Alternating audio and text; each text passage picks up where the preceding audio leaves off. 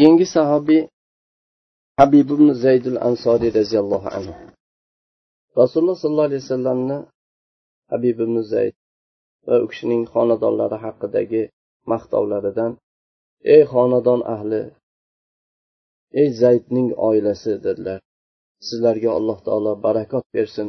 Alloh taolo sizlarni o'zini rahmatini bersin dedilar. Yana bu xonadonda iymonning shirinligi bu xonadonni har bir a'zosi har bir ruknida har bir burchagida iymon lazzati qo'yilgan bu xonadonda bu xonadonda yashaydiganlarning har birini qalbida fidoyilik o'zini qurbon qilishlik ko'rinishlari shunday namoyon bo'lib turgan xonadonda habib ibn zaydul ansoriy shu xonadonda tug'ilib o'sib ulg'aydilar. U kishining otalari zayd ibn osim yasrib ya'ni madina musulmonlarni eng avvallaridan aqaba bayatul aqabada qatnashgan yetmish kishining bittasi rasululloh sollallohu alayhi vasallamga bayat qilib qo'llarini uzatganlarning bittasi. Shunda u kishining ayollari umma ammora va ikki o'g'illari ham birga bor edi shu bayatga qo'l uzatganlar onalari otalari shu kishi zayd ibn sobit onalari umma ammora nasibatul moziniya ollohni dinini himoya qilib olloh yo'lida birinchi qurol ko'targan ayol. Rasululloh sollallohu alayhi vasallamni himoya qilaman deb qo'llariga qurol olgan birinchi ayol. Akalari abdulloh ya'ni u kishi o'zini bo'g'zini nabiy sollallohu alayhi vasallamni bo'g'ziga qurbon qilgan ko'ksini rasululloh sollallohu alayhi vasallamni oldilarida qalqon qilgan uhud jangida qalqon qilgan zotlardir hatto rasululloh sollallohu alayhi vasallam bular haqida alloh taolo bu xonadon ahliga sizlarga alloh barakot bersin alloh taolo rahm qilsin rahmatiga olsin dedilar. Ilohiy nur iymon bu habib ibn zayd roziyallohu anhu hali yosh bola ekan u kishining qalbiga bu iymon nuri ilohiy nur kirgan edi. Va bu qalbda qaror topib joylashib mustahkam bo'lgan. Onalari otalari xolalari akalari bilan makkaga yetmish nafar bu tarix islomida o'tgan eng ulug' zotlar bilan birga shu bayatul aqabada u kishi ham borishligi u kishiga taqdir qilingan edi. Bu yerda o'zlarini kichik jajji qo'llarini uzatib rasululloh sollallohu alayhi vasallam bilan aqaba bayatida E, zulmat pardasi ostida bayat qilgan yosh bolalardan edilar mana shu kundan boshlab rasululloh sollallohu alayhi vasallam habib ibn zaydga o'z ota onalaridan ko'ra suyumliroq edilar. Islom habib ibn zaydga o'zlarini shu vujudlaridagi o'zlarini jonlaridan ko'ra qimmatroq edi. Habib ibn zayd badr jangida qatnasha olmadilar. Chunki badr jangi bo'lganda juda yosh edi. Uhud jangida qatnashlik sharafi ham u kishiga bitilmagan edi. Hali qurol ko'tara olmaydigan yosh edilar. Lekin bundan keyingi janglarni rasululloh sollallohu alayhi vasallam bilan birga hammasida qatnashdilar. Bu janglarni har birida bu kishini bir azizlik bayrog'i va ulug'lik bir sahifasi fidokorlik bir munosabati o'rni bor. Lekin bu janglar shunday ulug'ligi ajoyiblikka qaramasdan aslida bu biz sizga uni qissasini keltiradigan katta bir habib zayd turgan o'rinni buyukligi oldida ular hech narsa emas edi. Bu qissa nihoyatda shafqatsizligidan sizni qalbingizni larzaga soladi. Xuddi millionlab musulmonlarni qalblarini larzaga solgandek nubuvvat asridan boshlab to hozir biz yashab turgan bu kunga qadar bu butun musulmonlarni qalbini larzaga soladi. Bu qissa asrlar o'tishi bilan ularga nihoyatda ajoyib bo'lgandek bizga ham ajoyib bo'ladi.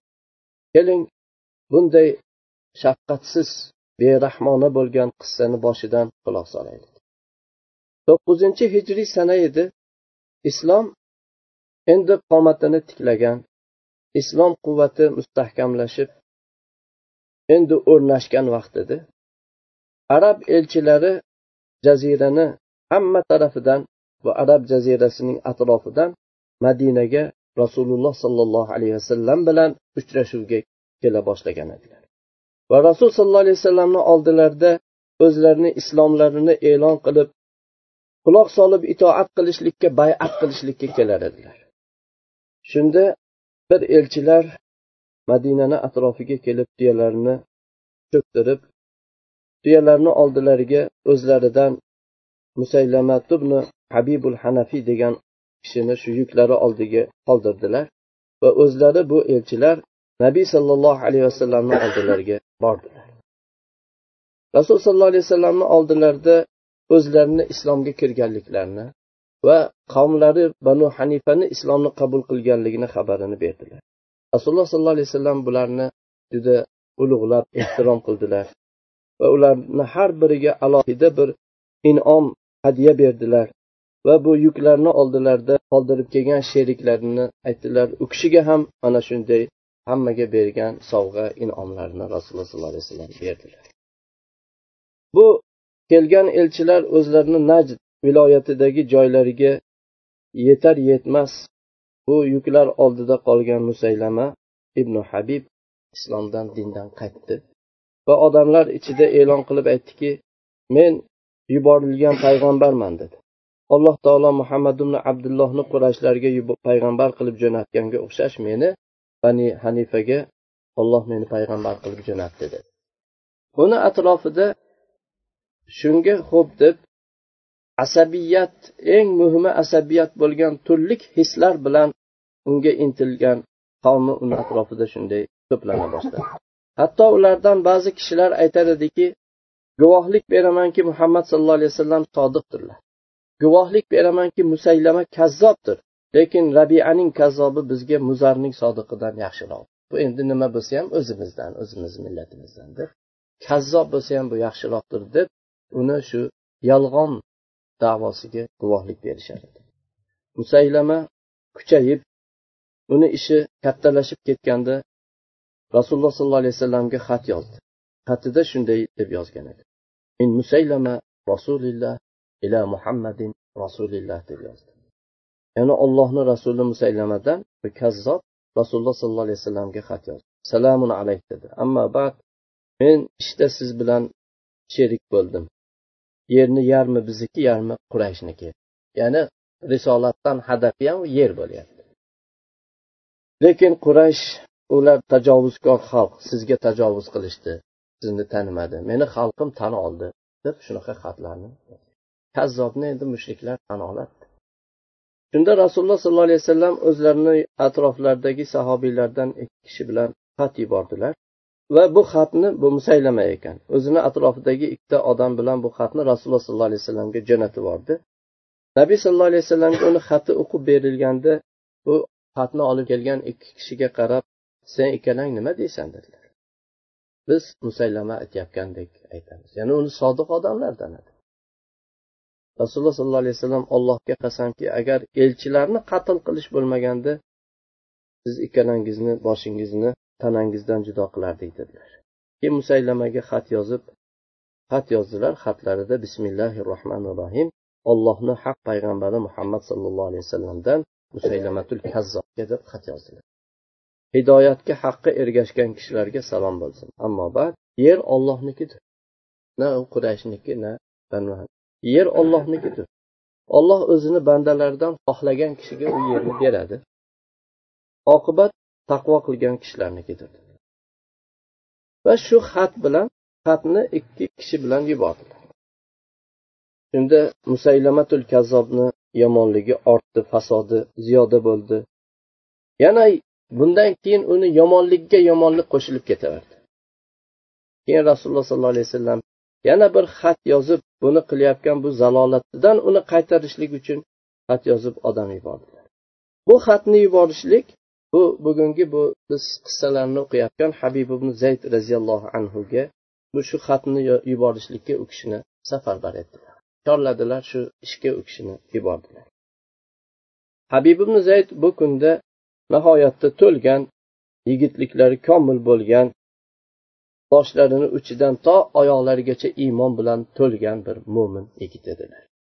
Habib ibn zayd rasululloh sollallohu alayhi vasallamni buyruqlariga hech ikkilanmasdan suslik qilmasdan ketdilar. Ya'ni tog'lardan oshib vodiylarni kezib bordilar. Hatto bani hanifa diyoriga yetib bordilar najdning yuqori tarafida. Keyin xatni musaylamaga berdilar. Musaylamatul kazzob xatda kelgan narsalarga voqif bo'lar ekan. Uni qalbi adovat va ginadan siqila boshladi. Va yomonlik xiyonat uni bu qabeh sarg'aygan yuzlariga xiyonat zohir bo'lib chiqa boshladi. Va habib ibn zaydni zanjirband qilishlikka buyurdi. Keyingi kuni choshgoh vaqtida uni u kishini olib kelishlikka buyurdi. Ertasi bo'luvdi musaylama o'zini majlisiga chiqdi.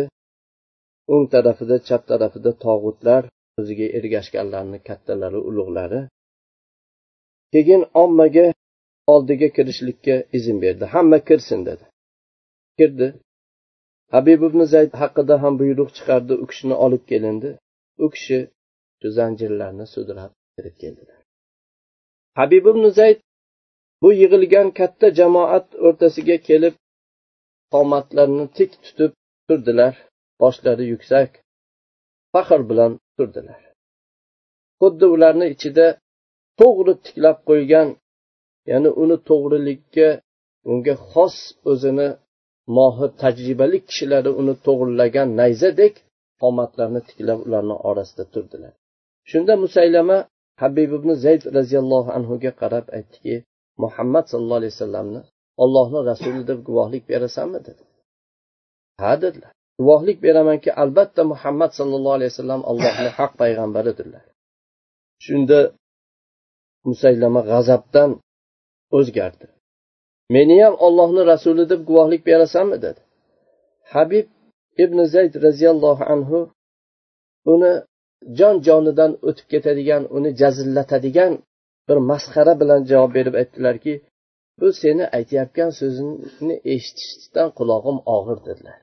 Nima deyayotganingni ham eshitishni xohlamayman dedilar. Shunda musaylama rangi o'chdi lablari titradi g'azabdan lablari titradi. Jallodlariga aytdiki jasadidan shu bir qismini qo'lini oyog'ini qilib mayda mayda qilib kesinglar dedi. Bir qismini kesinglar dedi. Jallod habibga qilichini otdi va jasadlaridan bir parchasini kesib oldi.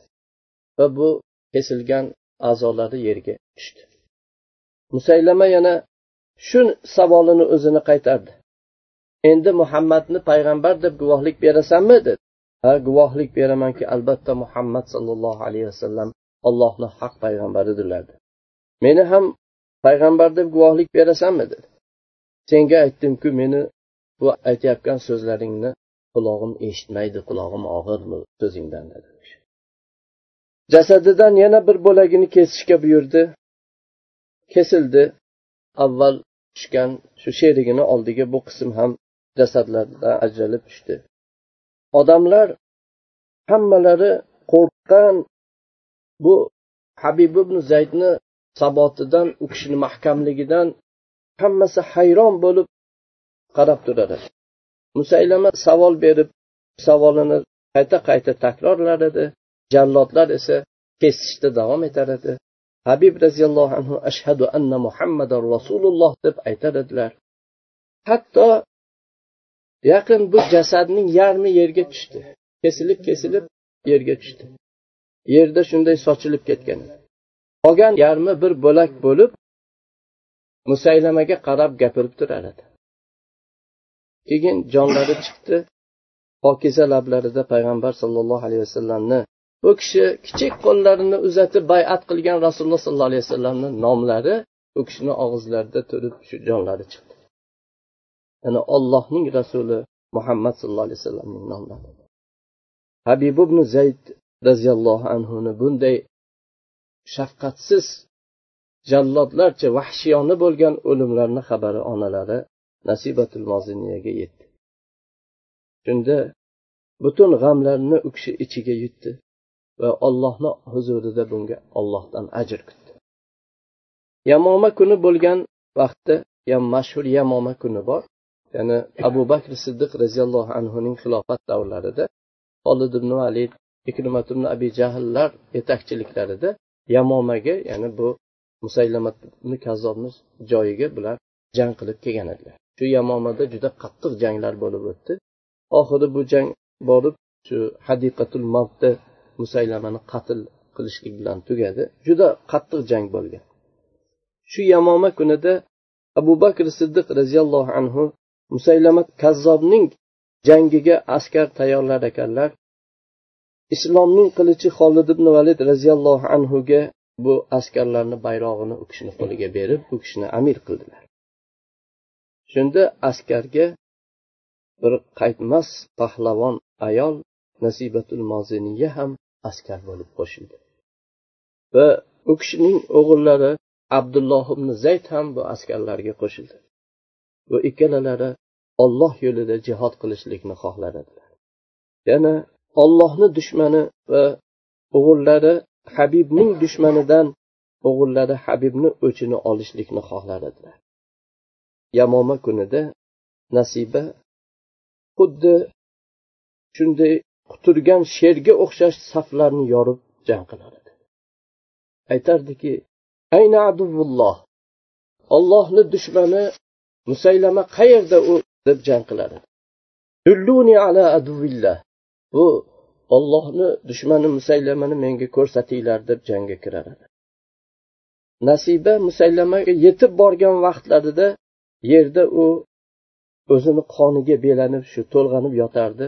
Musulmonlarni qilichi uni qonini ichgan edi.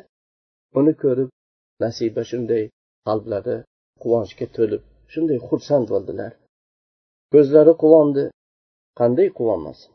Olloh azza va jalla uchun u o'zini taqvolik ezgu o'g'lonlariga o'ch olmadilar.